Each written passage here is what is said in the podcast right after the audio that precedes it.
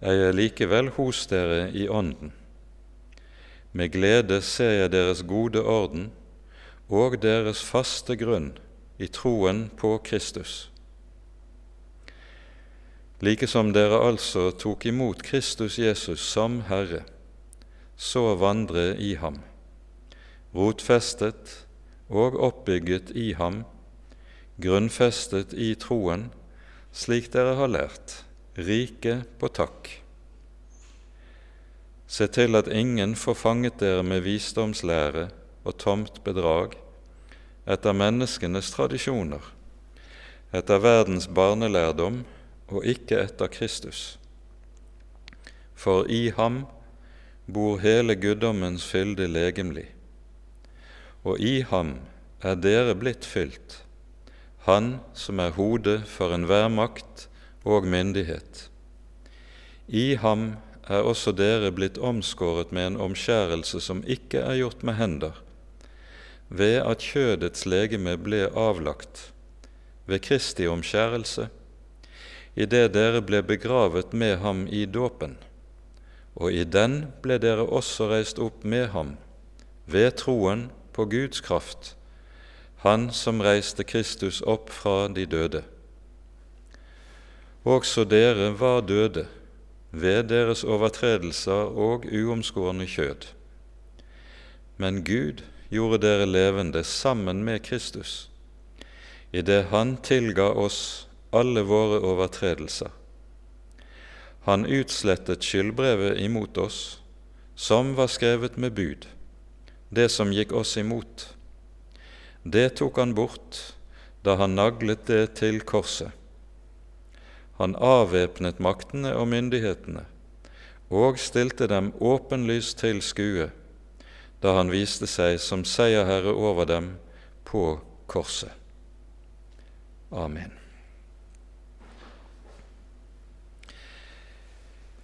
Dette avsnittet eh, begynner med noe som er, egentlig er en fortsettelse av det vi hører i avslutningen av det første kapittelet. Her taler Paulus om sin tjeneste med evangeliet, og slutter kapittelet med å skrive Ham, altså Jesus, forkynner vi i det vi formaner hvert menneske og lærer hvert menneske med all visdom, for å fremstille hvert menneske fullkomment i Kristus. Og for dette er det jeg arbeider, i det jeg strider i Hans makt som virker i meg med kraft. I dette siste verset så hører vi Paulus anvende to verb som beskriver den tjenesten han har eh, med evangeliet for menighetene. Verbet som er oversatt her med å eh, arbeide, det er et verb som egentlig betegner å slite tungt. Det er betegnelse på tungt arbeid. Det er altså noe som ikke går lettvint og av seg selv. Det er noe som apostelen må bruke alle sine krefter og ressurser på. Dernest så hører vi at han sier at han strider. Eh, her brukes det et verb som egentlig er hentet fra tvekampen, og eh, eh, gjerne brytekampen som foregikk på arenaen. Og en slik kamp den vinner en ikke uten den ytterste anspennelse i kampen mot motstanderen. Så det er altså to meget sterke verb som apostelen her anvender for å beskrive den strid han har for menighetene. Men han understreker altså at dette skjer ikke i egen kraft. Det skjer i Hans kraft som virker i ham med, altså med kraft. Og så er det han altså fortsetter med å si, for jeg vil at dere skal vite hvor stor strid jeg har for dere og dem i Laodikea. Antagelig er det også tatt med den tredje byen oppe i dalføret her, Hierapolis, som nevnes i det fjerde kapittel, der Paulus altså taler om sin bønnekamp for disse menighetene. Paulus har selv ikke besøkt disse stedene. Byene, eh, menighetene i disse byene er ikke blitt eh, anlagt gjennom Paulus sitt virke, men antagelig gjennom Epafras virke, som vi hører om det i det første kapittelet. Men at Paulus ikke selv har grunnlagt menighetene, det betyr ikke at menighetene er likegyldige for ham. Tvert om, de ligger tungt på hjertet hans. Han strider for dem i bønn. Og også her bruker Paulus dette verbet som er hentet fra bildet med tvekampen. Og Da er det klart for oss at Paulus har en fiende han kjemper mot i bønnen. Og det er denne fienden som vi forstår, det er den onde. Og bakgrunnen for kampen som han har for menighetene i dette området, er den trusselen de står overfor i og med vranglæren som har begynt å gjøre seg gjeldende. Paulus er engstelig for, han er bekymret for, at vranglærerne skal få innpass i menighetene. Og her er det viktig å være klar over at når man har med vranglære å gjøre, da har man alltid med djevelen å gjøre. Djevelen er løgnens far, og han er den som med sin løgn, her vranglære, søker å føre bort fra evangeliet om Herren Jesus. Og så er det Paulus altså kjemper en tung kamp for menighetene i bønn. En bønn om at de skal bli bevart i det evangeliet som de har mottatt. For øvrig er det jo sånn at Paulus er svært tilbakeholdende med å tale om seg selv. Eh, han vil ikke dra fokus og oppmerksomhet til seg selv.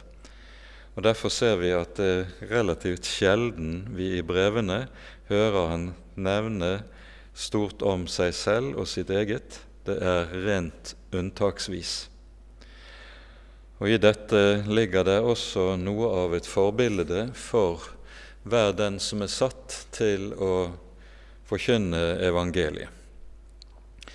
Det finnes predikanter som er veldig flittige med å fortelle om egne erfaringer og egne opplevelser. Og På den måten drar de sterk interesse i retning av seg selv. Og dette er alltid en fare for menighetene. Og vi burde ha Paulus her i minne med å være ytterst tilbakeholdne med å tale om oss selv og egne opplevelser. Det vi er satt til å tale om, det er vår Herre Jesus. Det er Han som skal herliggjøres, det er Han som blir stor, det er Han menighetenes blikk skal festes på. Dette er bare som en liten sidebemerkning i dette. Så er det vi hører i det neste verset hva det er Paulus ber om. Og Det første som han nevner, det er at deres hjerter må bli trøstet. Det ordet som her er oversatt med 'å bli trøstet', det er det samme verbet som, vi, som ellers i Det nye testamentet oversettes med 'å formane'. Ehm, og Her kan det i parentes være viktig å understreke at den betydningen ordet 'formane' ofte har fått i vårt språk, det er at da står man liksom med pekefingeren og vifter den opp i nesen på folk og forteller dem hvor skapet skal stå. Det som er grunntonen i ordet 'formane', i slik Paulus anvender dette ordet, det er at han vil oppmuntre. Han vil oppmuntre menigheten når han formaner dem, oppmuntre den til å vandre den veien som de har fått lagt foran seg i troen på den Herre Jesus. Og da skjønner vi også at verbet fort kan ha denne sidebetydningen som vi finner i denne sammenhengen, at ordet også kan bety trøst. Og Paulus er meget hyppig opptatt med nettopp dette at menighetene skal finne trøst. Trøst i evangeliet. I eh, andre Korinterbrev hører vi at brevet innledes nettopp med talen om den trøst vi eier i Herren. Brevet begynner i vers 3 slik.: Lovet være Gud, vår Herre Jesu Kristi Far, barmhjertighetens Far og all trøsts Gud, Han som trøster oss i all vår trengsel, for at vi skulle kunne trøste dem som er i all slags trengsel, med den trøst som vi selv blir trøstet med av Gud. For like som Kristi lidelser kommer over oss i rikt mål, så er også vår trøst rikelig ved Kristus. Paulus taler også om i Romerbrevet i det 15. kapittel om den trøst som Skriftene gir. Det er her tale om en trøst som gis oss i kraft av evangeliet, og som vi finner i de hellige skrifter. Og Dette er en trøst som er bærekraftig. Det er en trøst som har sitt bakteppe i det at det å bli en kristen, det å komme til tro på Jesus, det betydde ikke at en fikk noe lett liv. Tvert om, de som kom til tro på Jesus, kom veldig fort til å bli betraktet som utskudd i den verden og i den kultur de levet i. Slik at det kunne ofte være uhyre vanskelig det å bekjenne Herren Jesu navn inn i sin lokale sammenheng. Og disse vanskelighetene kunne sannelig slite. Da er det viktig å være klar over hva trøsten dreier seg om. Den dreier seg om det som vår Herre Jesus sier i avslutningen av det 16. kapittel i Johannes evangeliet. Her sier Jesus slik.: Dette har jeg talt til dere for at dere skal ha fred i meg. I verden har dere trengsel, men vær frimodige, jeg har overvunnet verden. Her ligger trøsten. Trøsten er knyttet opp til Jesu Kristi person. Vær frimodige, jeg har overvunnet verden. Og det er nettopp dette som er tema i hele Kolossabrevet, slik en rekke uh, utleggere av Det nye testamentet har bemerket. Kolossabrevet har som sitt store hovedtema Jesus alene. Det vi eier i Jesus, er nok. Det er tilstrekkelig i møte med alt det som denne verden måtte ha å stille oss overfor. Og så er det altså slik at i ham er det også vi har vår trøst. Der hjertet finner trøst i Jesus, der har det bestemte konsekvenser. Og Her møter vi en, så å si en åndelig følgesetning. Paulus skriver deres hjerter må bli trøstet slik at Altså, det får det til følge der trøsten blir virkelig der knyttes de troende sammen i kjærlighet, og slik at de med det kan nå frem til hele rikdommen av den fullvisse innsikt, nemlig til kunnskap om Guds mysterium, som er Kristus. Det vi skal merke oss i denne sammenheng, det er at det å knytte sammen i kjærlighet og det å for den innsikt som Paulus taler om her, det henger nøye sammen. Det er en type erkjennelse i evangeliet som er av en slik art at vi som enkelttroende sittende på hver vår tue, ikke kan se det og ikke kan erkjenne hemmeligheten. Men gjennom samlivet med og fellesskapet med våre troende søsken, så ser vi det. Så får vi lys inn i det. Paulus skriver om dette i det tredje kapittelet i Efeserbrevet når han taler om hvordan han ber for menigheten her. Og han ber om, sier han, at Kristus må bo ved troen i deres hjerter, for at dere, rotfestet og grunnfestet i kjærlighet, sammen med alle de hellige, kan være i stand til å fatte hva bredde og lengde og høyde og dybde der er. Merk dette.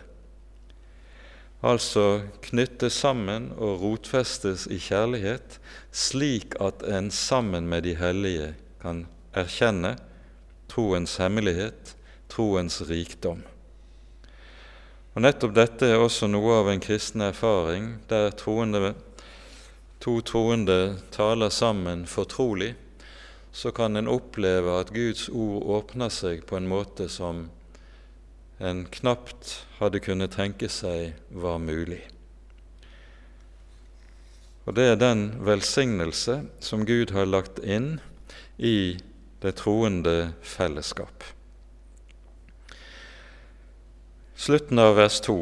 Her bruker Paulus overmåte sterke uttrykk. Det er nærmest sånn at det flommer over i eh, disse uttrykkene han bruker. Han taler om at vi skal nå frem til hele rikdommen av den fullvisse innsikt. Um, og dette dreier seg da om kunnskap om Guds mysterium som er Kristus.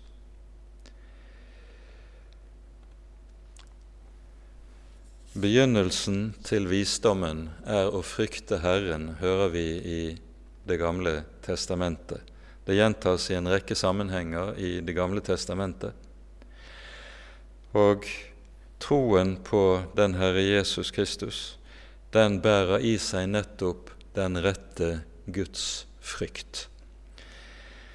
Nå sier Paulus altså at den fullvisse innsikt, den har som innhold dette det er kunnskap om Guds mysterium som er Kristus. I ham er alle visdommens og kunnskapens skatter skjult til stede. Når Paulus sier dette, så hører vi at han i verset etterpå understreker at når han understreker nettopp disse tingene, så er det for at ingen skal bedra dem ved lokkende tale. Saken er nemlig den at den tidlige gnostiske religionen som har begynt å gjøre seg gjeldende bl.a. i Kolosset, den talte meget om mysteriet, Guds mysterium, og den talte meget om kunnskap og innsikt.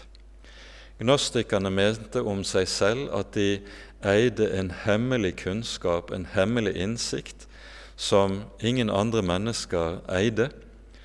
Og gjennom innvielse i de gnostiske mysterier så kunne en få den rette og den sanne innsikten.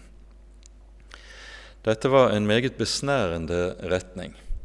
Og eh, vi hører at uh, utover når du kommer etter århundret og utover på 200-tallet, så vokser gnostisismen til å bli en betydelig åndsretning i datidens gresk-romerske verden. Og gnostisismen en representerte en betydelig fare for de kristne. Gnostisismen var en blandingsreligion som uh, hadde det med seg at den blandet ulike eh, ingredienser fra forskjellige religioner. Eh, på mange måter litt parallelt med det du kan se i moderne menneskers religiøsitet, som plukker litt her og litt der, sånn som du ser det f.eks. innenfor New Age-religiøsiteten. Litt fra hinduistisk tradisjon, litt fra kinesisk tradisjon, litt fra eh, buddhistisk tradisjon osv. Og så blander man det sammen eh, og lager en god lapskaus som kan virke meget tiltrekkende. Litt slik var det også med gnostikerne. Men nettopp dette at de roste seg av kunnskap om mysteriet, gjorde dette til noe besnærende. Og Derfor gjør Paulus det grepet at han anvender ord som var uhyre sentrale for gnostikerne, og sier dette som gnostikerne disse ordene som gnostikerne anvender, de er hule. De får først sin rette anvendelse og betydning i Kristus. Kristus er mysteriet. I Kristus eier vi Guds rette kunnskap og visdom. Ingen andre steder. Jesus alene er nok. Når det altså her er tale om å få kunnskap om Guds mysterium, så er dette ikke et mysterium som er skjult og kun tilgjengelig for de innvidde. Um, tvert om er dette et mysterium som Gud har åpenbart. Det er åpenbart gjennom ordet om korset. Paulus taler om dette i 1. Korinterbrev kapittel 1 og kapittel 2. Og når det likevel sies at dette mysterium er skjult, så er det ikke skjult på den måten at du må gjennom en rekke innvielsesritualer før du kan få innsikt i det. Men det er skjult på den måten at det ligger helt opp i dagen, nemlig som ordet om korset. Og så tenker alle kloke og vise mennesker at dette her, det er jo den skjære dårskap. De ser ikke hemmeligheten, de ser ikke Guds visdom og Guds kraft som ligger i korset, selv om det ligger rett foran øynene deres i evangeliet. Så Gud har skjult det på den måten at det for de kloke og vise ser ut som dårskap. Og likevel så er det åpenbart, det er et ord som er gitt til hele verden, og alle kan høre det, men de som forherder seg imot det, for dem forblir det skjult. Og Derfor anvender Paulus altså begrepet mysterium om dette ord, som er ordet om korset. Det er altså Kristus, vår Herre Jesus, Messias, som er Guds mysterium, og så sies det i ham er alle visdommens og kunnskapens skatter skjult til stede. Det er nemlig skjult under ordet om korset, men hele Guds fylde er til stede i dette ord og i denne hemmelighet. Vi trenger ikke noe utover i tillegg til det vi eier i vår Herre Jesus Kristus. Det er ikke slik at man skal behøve å gå videre, slik at ordet om korset så å si bare er begynnerstadiet, og så må man gå videre og forlate dette stadium. Nei, tvert om. Her ligger hele hemmeligheten gjemt. Spørsmålet er bare dette ser man hemmeligheten, eller ser man den ikke? Så fortsetter Paulus altså med å forklare hvorfor han understreker dette. Dette sier jeg for at ingen skal bedra dere med lokkende tale. Her brukes det et eget ord for, som altså er oversatt med 'lokkende tale'. Det er en tale som har eh, overbevisende kraft i seg. Det er altså noe som høres veldig overbevisende ut når du første gang hører det, og derfor er det lett å la seg bedra av det. Han kommer tilbake til hva dette er i det åttende verset, som vi skal se på litt etter hvert.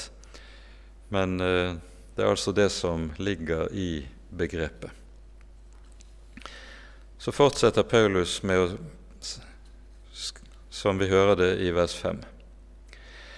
Selv om jeg er borte fra dere i legeme, er jeg likevel hos dere i ånden. Med glede ser jeg deres gode orden og deres faste grunn i troen på Kristus. Her brukes det to uhyre viktige ord eh, når Paulus sier hva han gleder seg over i menigheten. Det første er ordet 'orden'.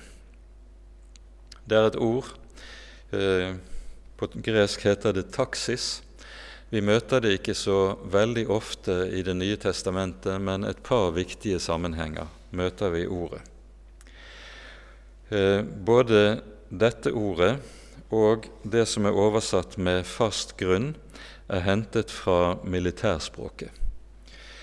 Eh, og eh, ordet 'orden' det betegner altså en militær enhet som er stilt opp i god orden i slagenhet. klar til slag, så er de stilt opp. Eh, begrepet fast grunn ble også anvendt om eh, en eh, militær enhet, og da var den stilt opp så tett at den så å si utgjorde en mur. Så når fienden angrep, så ville det være umulig for den å slå seg igjennom eh, enheten fordi de sto så fast samlet. Dette er altså bakteppet Eh, og vi forstår at Paulus' tankegang her er at menigheten står oppe i en åndskamp, og anvender derfor disse begrepene som er hentet fra militærsammenhengen. Orden hører vi om også i 1. Korinterbrevs 14. kapittel etter at Paulus har gått i rette med all den uorden som gjorde seg gjeldende i korintermenighetens gudstjeneste, skriver han i vers 33 at Gud er ikke uordens Gud, men freds Gud. Han har altså formant korintermenigheten til at alt det kaos som kunne råde i menigheten fordi den var eh, det må være tillatt å si at det her rådet det du kunne kalle for et slags karismatisk kaos i menigheten. Det var ikke i samsvar med det som er sømmelig for Guds hellige ånd. Og Derfor skriver altså Paulus i vers 33 Gud er ikke uordens Gud, men freds Gud, og så kommer han tilbake til dette i det siste verset i kapittel 14 og sier la alt skje sømmelig og med god orden.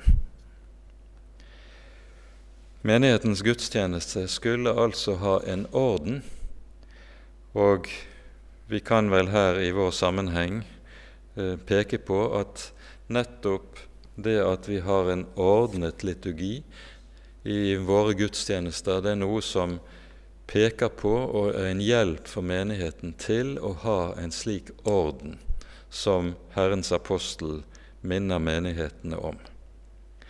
Dette var det i Kolosset, og Paulus gleder seg over menigheten her, over det han hører om menigheten, og som Erastus har fortalt om menigheten. Enn mer gleder han seg over den faste grunn, den fasthet i troen som gjør seg gjeldende i menigheten. Når det taler om fast grunn i denne sammenheng, så, og at dette sies nettopp i forbindelse med den faren som vranglæren utgjør overfor menigheten, så tror jeg vi med full rett kan eh, minne om ordene fra Efeserbrevets fjerde kapittel, der vi hører om hva som er hensikten med at Gud har gitt tjenere med sitt ord i menighetene. Paulus skriver i fjesene 4 fra vers 11 at vår Herre Jesus i, etter himmelfarten gir menighetene gaver. Og hva er gavene til menighetene? Jo, sier han, han ga noen til apostler, noen til profeter, noen til evangelister, noen til hyrder og lærere. Det Paulus her nevner, det er altså ulike tjenere med Guds ord. Det er ordets tjeneste som understrekes. Og hva er hensikten med dette? Jo, hensikten er at de hellige skulle bli gjort i stand til tjenestegjerning og til oppbyggelse av Kristi legeme, inntil vi alle når fram til enhet i tro på Guds sønn og kjennskap til ham, til manns modenhet, til aldersmålet for Kristi fylde, så vi ikke lenger skal være småbarn og la oss kaste og drive omkring av hvert lærdoms vind ved menneskenes spill, ved kløkt i villfarelsens listige knep. Ordets tjeneste i menighetene skal altså sørge for at menighetene etter hvert vokser frem til en slik åndelig modenhet at de ikke er som eh, blader om høsten som blås, vinden kan blåse hit og dit uten at de har noe feste. Tvert om, Åndelig modenhet betyr at en fester rot i ordet, en fester rot i evangeliet, en fester rot i Herren Jesus Kristus, og så står en fast i troen.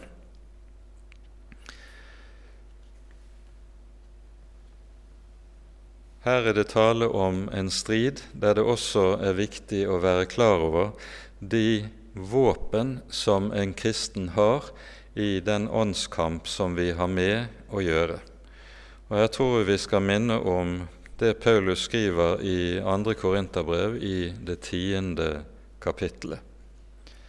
Her taler han nemlig om den åndskamp vi står overfor når vi har med menneskelige tankebygninger, med vranglære, å gjøre. Paulus skriver fra vers 3 i det tiende kapittelet i 2. Korinterbrev slik.: Selv om vi lever i kjødet, så fører vi ikke vår strid på kjødelig vis. For våre våpen er ikke kjødelige, men de er mektige for Gud til å bryte ned festningsverker idet vi river ned tankebygninger og enhver høyde som reiser seg mot kunnskapen om Gud, og tar enhver tanke til fange under lydigheten mot Kristus. Nettopp dette er det Paulus gjør i Kolossabrevet i møte med de vranglærerne som har begynt å gjøre seg gjeldende. At stridsvåpnene er åndelige og ikke kjødelige, betyr at man ikke kjemper med menneskelige midler, men med Guds ord. For det er Ordet og det å rotfestes i Ordet som gir hjelp til å se klart hva som er forskjellen på rett og galt, sant og falskt. Guds ord er sverdet som en kristen skal anvende i striden, i åndskampen, som alltid følger den kristne menighet. Nå fortsetter Paulus så i det sjette verset med å si like som dere altså tok imot Kristus Jesus som Herre, så vandre i ham. Dette er et uhyre innholdsrikt vers. For det første er det slik Det kommer ikke frem i vår oversettelse, men i grunnteksten står det i bestemt form 'Herren', like som dere tok imot Kristus Jesus som Herren. Da får begrepet den klang som forbindelsen til Det gamle testamentet gir. I Det gamle testamentet er det jo slik at det hellige Guds navnet, som ble skrevet med fire konsonanter, JHVH, det ble aldri uttalt av jødene når de leste Skriften høyt i synagogens gudstjeneste, f.eks. I stedet satte man inn et annet ord som betyr Herren, Adonai, Herren.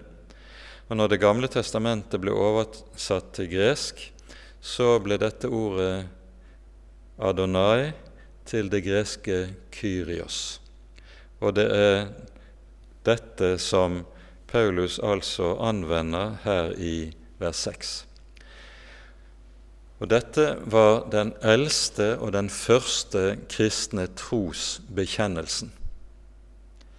Jesus Kristus er Herren.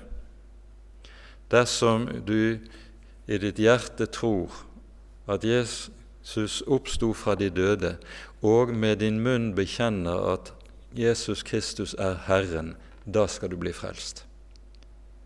Dette er den eldste kristne trosbekjennelsen. Og dette sier Paulus i Filippabrevet. Målet for hele skaperverket er at på den siste store dag skal hvert kne bøye seg, og hver tunge bekjenne at Jesus Kristus er Herren. Med dette så sier bekjennelsen at i Jesu Kristi person er Det gamle testamentets Gud kommet inn i historien og blitt menneske.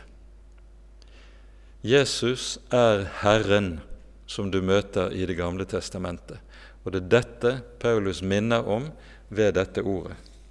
Det er det første vi skal understreke. Det andre er at Paulus sier dette ordet 'likesom'. Poenget her er at på samme måte som vi tar imot vår Herre Jesus, altså begynnelsen av det kristne liv, så skal fortsettelsen av det kristne liv forbli på den samme grunnvoll, på de samme betingelser som begynnelsen var det. Men nettopp her står vi overfor noe som er et stort, stort problem i veldig mange kristne sammenhenger. At mennesker kan ta imot frelsen, vite med seg selv Jesus har tilgitt alle mine synder av nåden alene. Og så kommer de meget fort inn under loven igjen. For da legges det inn over dem alt det de skal være og gjøre som kristne, slik at dette blir det eneste de blir opptatt av. Rosenius har en klassisk sats der han formulerer seg slik. Han sier mange går til Kristus for å bli rettferdiggjort, og de går til Moses for å bli helliggjort. En tenker likesom at frelsen og rettferdiggjørelsen den får vi av nåde for Jesus skyld.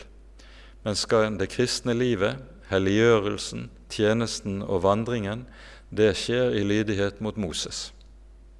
Slik er det ikke. Vandringen skjer også, og må også være, i evangeliet og i avhengighet av evangeliet. Evangeliet er ikke noe som vi vokser ut av. Evangeliet er ikke noe du kan gå videre fra og bli ferdig med å tilbakelegge for liksom å komme inn i nyere og mer videregående eh, sannheter. Dette er i stedet det motsatte slik som Paulus fortsetter i det syvende verset.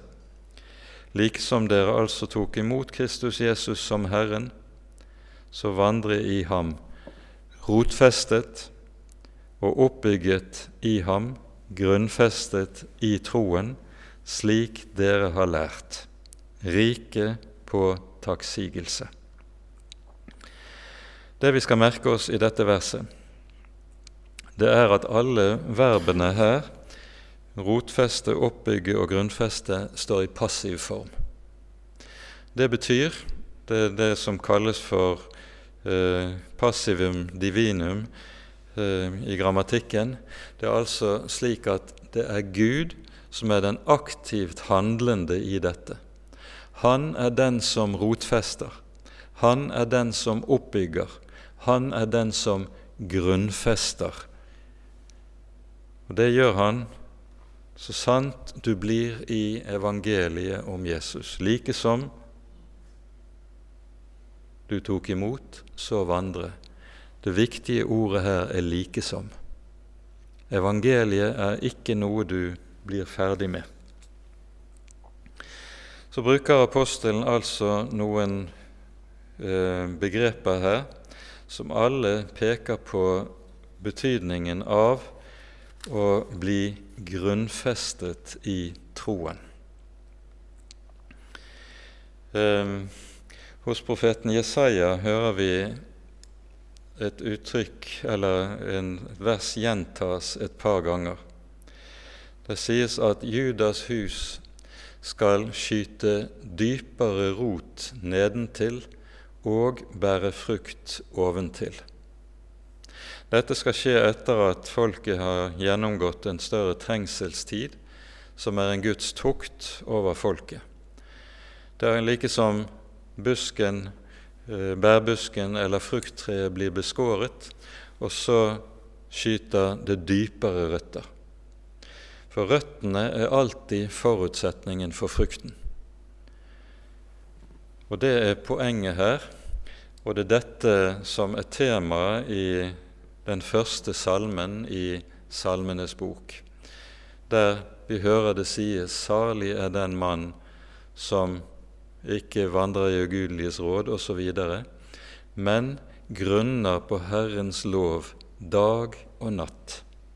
Han skal være lik et tre plantet ved rinnende bekker. Det skyter sine røtter ut, der det henter rikelig med vann og næring, og så bærer det frukt. Det er tankegangen. Og så forstår vi at uh, det bildet som ligger her, det handler nettopp om å feste rot i Ordet. Bli oppbygget. Her bruker Paulus et bilde som han eh, anvender en rekke steder ellers i Det nye testamentet. Han taler om det å bygge på grunnvollen. I 1. Korinterbrev 3.: Ingen kan legge en annen grunnvoll enn den som er lagt, Kristus Jesus. Og Nå er det viktig å være oppmerksom på at begrepet oppbyggelse i Det nye testamentet ikke betyr det som det gjerne betyr i kristen dagligtale i dag. Du kan høre en god tale eller en god preken, lese en uh, god kristen bok, og så sier du at du kjenner deg oppbygget. Det er en følelsesmessig reaksjon som kommer i takknemlighet for noe godt du har hørt eller lest, men det er ikke oppbyggelse i bibelsk forstand. Oppbyggelse det er et fellesskapsbegrep som handler om at menigheten sammen bygges opp. Det er de levende stener som bygges opp og bygges inn i muren, og så anvendes der sement og mørtel, slik at steinene føyes sammen, og så blir det en fast bygning. Det er altså viktig å være klar over at oppbyggelsesbegrepet det er et fellesskapsbegrep, og vi er bygget opp på apostlenes og profetenes grunnvoll, skriver Paulus i Efeserbrevet 2, nemlig det budskap som lyder gjennom apostlenes og profetenes skrifter. Og så kommer det Men grunnsteinen, det er Kristus Jesus selv. Og så til sist står det 'grunnfestet i troen, slik dere har lært'. Det det taler om her, det er det som ellers kan kalles for troens fulle visshet. En kristen skal altså ikke være et tørt blad som blåses hit og dit av vinden, men han skal ha en grunnfestelse i troen som gjør at han fri og glad kan bekjenne og si 'Jeg vet på hvem jeg tror'. slik Paulus gjør det i 2. Timotius brev. Det er tale om en troens visshet som vi hører om i en rekke viktige sammenhenger i vår bibel. Denne troens visshet har sin grunn i at du vet. Du vet hva Jesus har gjort, og hva det Jesus har gjort, betyr. I Hebreabrevet kapittel 10 skriver Hebreabrevets forfatter slik, ifra vers 19. Brødre, vi har altså i Jesu blod frimodighet til å gå inn i helligdommen. Til den har Han innviet for oss en ny og levende vei gjennom forhenget, det er Hans kjød. Og vi har en stor prest over Guds hus. Så la oss da tre frem med sannferdige hjerter og i troens fulle visshet. Troens fulle visshet det er først og fremst en visshet som gjelder ansikt til ansikt med den levende og hellige Gud. Troens fulle visshet har det med seg at den vet at den hellige Gud har gitt meg en fullkommen soning og frelse fra min synd, og nå skal jeg få lov til å stå for Hans ansikt som Hans elskede barn. Hellig, ulastelig og ustraffelig, slik Paulus skriver det i første kapittel i Kolossabrevet. Fullkommen for Guds åsyn for Jesus skyld. Det er troens frimodighet som står for Guds ansikt. Det samme kommer Hebreabrevets forfatter tilbake til i det ellevte kapittelet, der han skriver i begynnelsen av kapittelet tro er full visshet om det en håper. Det er ingen usikkerhet, ingen vaklen, ingen tvil. Det er full visshet om det vi håper, overbevisning om det som ikke sees. Og Når vi her hører tale om det som ikke sees, så er det grunn til å minne om det Paulus skriver om Abraham som forbilde i Romerbrevets fjerde kapittel, der vi også møter dette begrepet troens visshet. Abraham hadde fått løfte av Gud at han skulle bli mange folks far. Dette løftet kommer Herren til Abraham med når Abraham kalles. Abraham er da 75 år gammel, slik vi leser i Første Moseboks 12. kapittel. Og i tro på løftet 'du skal bli mange folks far', bryter Abraham opp for å dra til det lovede land. Men Abraham og Sara var barnløse, og de var langt oppe i årene. Så skulle en da forvente at når Abraham hadde gjort slik Herren hadde sagt, brutt opp, dratt til landet, så ville Herren oppfylle sitt løfte. For løftet innebar jo, og betinget jo, at Abraham måtte få barn. Men det kommer ingen barn. Det ene år følger på det andre. Abraham blir eldre og eldre. Og til slutt er han så gammel, han nærmer seg 100 år, og Sara, hans hustru, er 90, og de er begge to fysisk ute av stand til å avle barn. Og Da er det Paulus skriver om Abraham slik i Romane 4. Mot håp trodde Abraham med håp. Dette betyr, skulle vi oversette det til mer forståelig norsk, hinsides ethvert håp trodde han likevel med håp, for at han skulle bli mange folks far, etter det som var sagt ham, nemlig av Herren, slik skal din ett bli. Uten å bli svak i troen tenkte Abraham på sitt eget legeme som alt var utlevet, han var jo snart hundre år, og på at Saras mors liv var utdødd. På Guds løfte tvilte han ikke i vantro men han ble sterk i troen i det han ga Gud æren. Her handler det om at tro er overbevisning om det som ikke sees. Nå var det umulig menneskelig talt at Guds løfte kunne opp, oppfylles. Likevel, Abraham holder fast på hva Gud har sagt. Og så kommer det i vers 21. Han var fullt viss på at det Gud hadde lovt, det var han mektig til å gjøre. Han var fullt viss. Det er dette Skriften kaller troens visshet. Og så sies det om Abraham derfor ble det også regnet ham til rettferdighet. Han trodde på Guds ord og Guds løfte, selv om alt han kunne se med sine øyne, alt han visste med sin erfaring, talte imot at det skulle være mulig. Likevel, han holder fast på løftet. Det er troens visshet. Og det er dette som altså er det bibelske forbildet når Paulus taler om det å bli rotfestet, grunnfestet og faste i troen. En slik tro er rik på takksigelse, fordi en vet at Han som er Herre, han er den som rikelig velsigner sine små barn slik vi leser det i Romerbrevets åttende kapittel. Han som ikke sparte sin egen sønn, men ga ham for oss alle.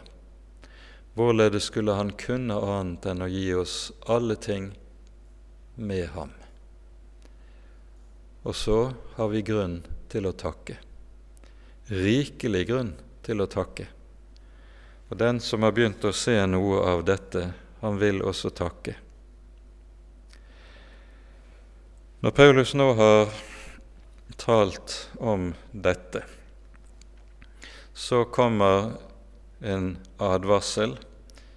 Se nå til at ingen får fanget dere med visdomslære og tomt bedrag etter menneskenes tradisjoner, etter verdens barnelærdom og ikke etter Kristus.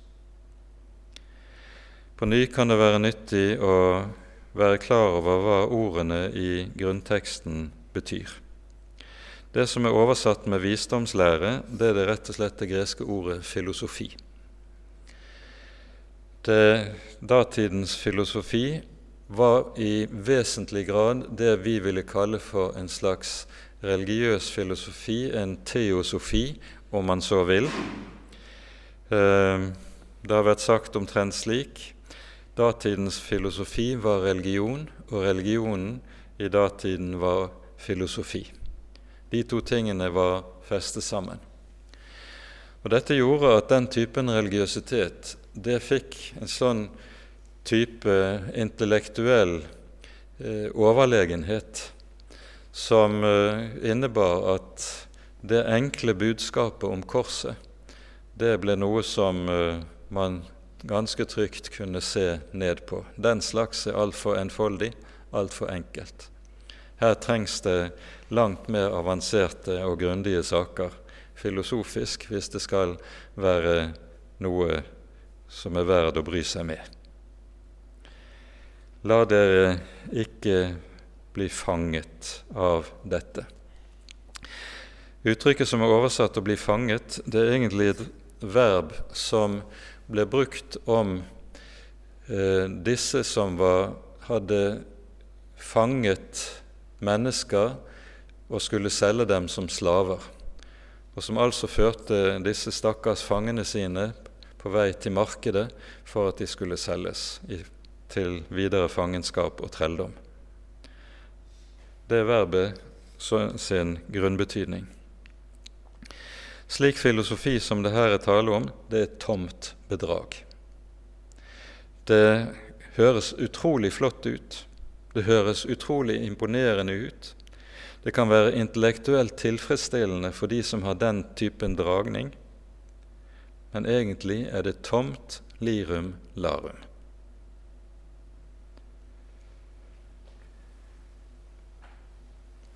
Og så kommer det til slutt uttrykket 'etter menneskenes tradisjoner' og verdens barnelærdom. Det som er oversatt med barnelærdom, er et særegent ord som har en rekke ulike betydningsnyanser. Når det her er oversatt med barnelærdom, så er det fordi at det kunne betegne, være en betegnelse for alfabetet, altså verdens ABC, om du skal si det sånn. Ordet betyr bokstavelig noe som blir stilt opp etter hverandre på rekke og rad, sånn som bokstavene er det i alfabetet, og derfor er det oversatt med barnelærdom. Men ordet kunne også anvendes om de grunnkreftene i verden som styrte menneskenes skjebne, nemlig stjernene og de åndelige kreftene som sto bak stjernene. Vi er dermed inne på det som har med astrologien å gjøre. Og Astrologien hadde i datiden en uhyre sentral betydning. Vi leser om de romerske keiserne at de gjorde aldri noe uten at de først hadde spurt astrologene, uten at de først hadde spurt stjernene til råds. For stjernene representerte åndelige krefter og åndelige makter som hadde den dypeste innvirkning på menneskenes skjebne og menneskenes gang her i livet. Gnostikerne tenkte likeledes, så dette var også en del av den gnostiske måten å tenke på. Så minner Paulus om dette er sånt som bare er tomt bedrag. Det hører ingen, ikke hjemme i Kristus. Og så samler Paulus trådene i vers 9 og vers 10. Og det blir det vi må slutte med i dag. Vi rekker ikke lenger. For i ham, i Kristus Og når Paulus sier Kristus, så er jo betydningen Messias. Han er den frelser som er lovet i Det gamle testamentet, og som oppfyller Skriftene. For i ham bor hele guddommens fylde legemlig. Her uttrykker Paulus seg bevisst provoserende overfor de gnostiske vranglærerne. Uttrykket 'guddom' det brukes av Paulus bare ett annet sted i Det nye testamentet. Det er et begrep som ble anvendt av intellektuelle, som har et slags teoretiserende forhold til Gud eller til det guddommelige. Så Paulus liker ikke å bruke dette uttrykket. Han forholder seg personlig til Gud, og derfor bruker han også personlige begreper når han taler om Gud og forholdet til Gud. Når han anvender begrepet i denne sammenheng, er det nettopp fordi det ble anvendt agnostikerne. Og så sies det altså i Kristus bor hele guddommens fylde. Og så understreker han legemlig. Altså, Gud er ikke bare åndelig til stede i Kristi person, han er legemlig til stede i Kristi person. Dette understrekes jo også av Johannes i 1. Johannes brev, når han sier at det vi har hørt, det vi har sett med våre øyne, det vi har tatt og følt på med våre hender, det forkynner vi dere, om livets ord. Og livet blir åpenbart, osv. Legemlig er livets ord kommet inn i verden. Legemlig er Gud trådt inn i verden i Kristi person. Nettopp dette var dypt anstøtelig for gnostikerne, for de mente at det legemlige, det fysiske virkelighet, den var ond. Og Derfor besto frelsen, slik gnostikerne tenkte det, om at sjelen måtte fris fra den fysiske eller fra den legemlige verden. I parentes bemerket møter vi denne typen gnostisk tankegang nå i moderne tid, i det som kalles for moderne kjønnsideologi. idet en tenker slik innenfor disse ideologiene at et menneskes biolog, biologi har ingenting å si for hvilket kjønn dette mennesket har. En løser med andre ord menneskets identitet fra dets fysiske virkelighet. Og Dette er typisk gnostisk måte å tenke på, så i moderne kjønnsideologi har gnostisismen så å si fått en renessanse. Dette er en parentes i forhold til dagens tekst, men det fortjener å nevnes. Det vi her hører i vers 9, det er jo for så vidt en gjentagelse av det som eh, ble sagt i det 19. verset i kapittel 1.